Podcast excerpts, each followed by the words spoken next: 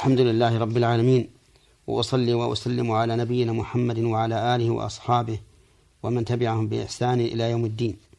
أما بعد أيها الإخوة المستمعون فهذه هي الحلقة المتممة للثلاثين بعد المئة من حلقات أحكام من القرآن الكريم أو من أحكام القرآن الكريم. تكلمنا فيما سبق على فضيلة الصبر وبيان ثوابه. حيث قال الله تعالى وبشر الصابرين.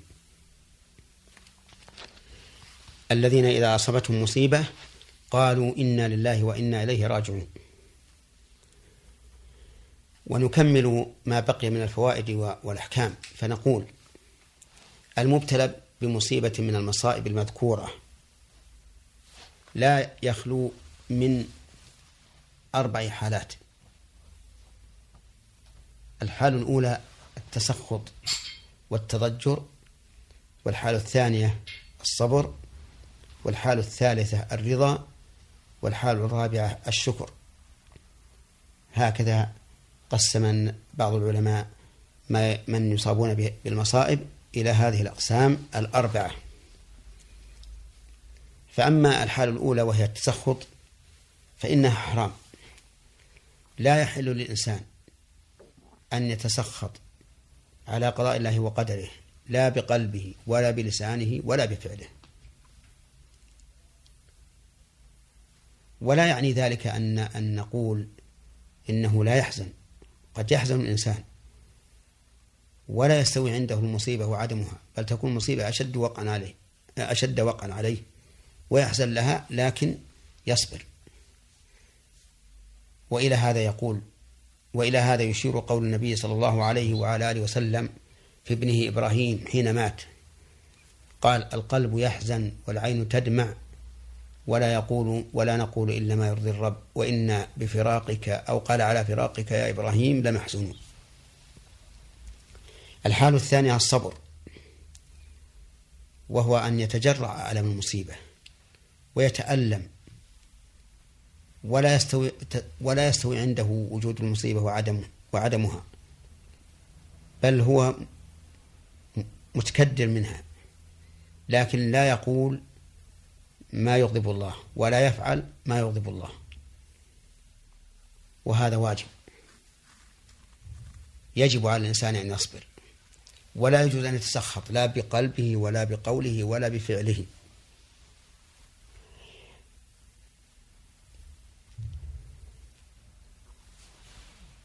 والحالة الثالثة أن يرضى بقضاء الله أي يرضى بهذه المصيبة التي أصابته. والفرق بين الرضا والصبر أن الصبر يتألم الإنسان من المصيبة ألما قلبيا لكن لا يظهر التسخط لا بقوله ولا بقلبه ولا بفعله لكنه يتألم. إلا أنه صابر عن فعل ما لا يرضي الله. أما الرضا فإنه لا يتألم بمعنى أنه يرى أن وجود هذه المصيبة كعدمه كعدمها لأنها من الله عز وجل. ولا يكون في قلبه ألم وحسرة. ومعلوم أن هذه الحال أعلى من الحال الأولى. وإن كانت وإن كان الحال الأولى وهي الصبر أشد من جهة المعاناة معاناة معاناة منازعة النفس. أما الحال الرابعة فهي الشكر على هذه المصيبة. ولكن قد تقول كيف يشكر الإنسان على مصيبة ألمت به وأثرت عليه؟ نقول نعم يشكر الله لأن هذه المصائب عقوبات معجلة على ذنوب فعلها. فيشكر الله سبحانه وتعالى أن عجل عقوبة هذه الذنوب في الدنيا قبل أن تكون في الآخرة. وأيضا هو يشكر الله سبحانه وتعالى على ما يحصل له من ثواب هذه المصيبة. فيكون شكر الله له شكر الله منه على هذه المصيبة من وجهين. الوجه الأول أن عقوبته عجلت والعقوبة في الدنيا أهون من عقوبة الآخرة. والثاني أن أن الله تعالى يثيبه على هذه المصيبة أكثر مما يتوقع. فهذه أحوال من أصيب بالمصيبة.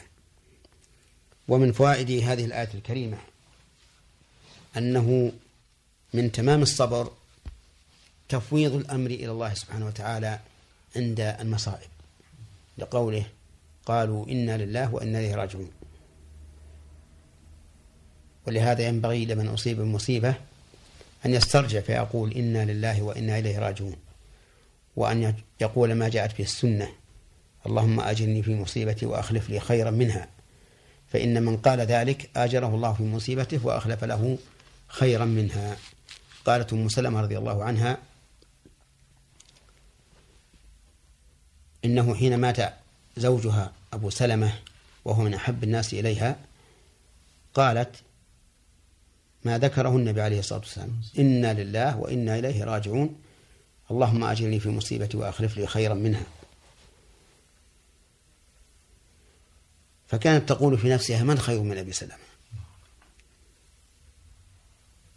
فإذا برسول الله صلى الله عليه وسلم يتزوجها بعد أبي سلمة. فأعطاها الله سبحانه وتعالى خيرا مما أخذ منها.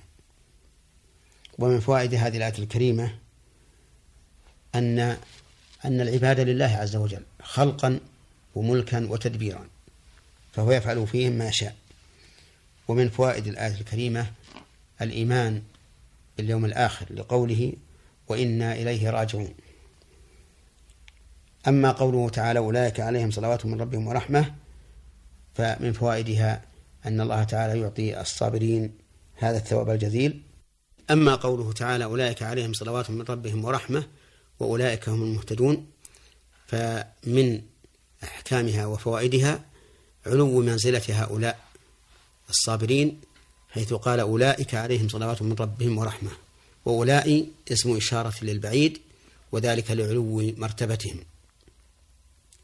ومن فوائدها بيان الثواب العظيم والجزيل للصابرين حيث نالوا من الله سبحانه وتعالى الثناء عليهم في الملأ الأعلى. لقوله أولئك عليهم صلوات من ربهم ورحمة. ومن فوائدها بيان ضعف القول بأن الصلاة من الله هي الرحمة وذلك لأن الله تعالى عطف الرحمة على الصلوات والعطف يقتضي المغايرة. فدل ذلك على أن الصلوات غير الرحمة وكما فدل ذلك على أن الصلوات غير غير الرحمة وكما أسلفنا أن أبا العالية رحمه الله قال إن صلاة الله على عبده ثناؤه عليه في الملأ الأعلى. ومن فوائد هذه الآية أيضا أن هؤلاء الصابرين يوفقون للهداية لقوله تعالى وأولئك هم المهتدون. نسأل الله تعالى أن يجعلنا جميعا من الصابرين على البلاء الشاكرين على الرخاء المهتدين بهداية الله إنه جواد كريم. والحمد لله رب العالمين وصلى الله وسلم على نبينا محمد وعلى آله وأصحابه ومن تبعهم بإحسان إلى يوم الدين وإلى لقاء آخر. والسلام عليكم ورحمة الله وبركاته.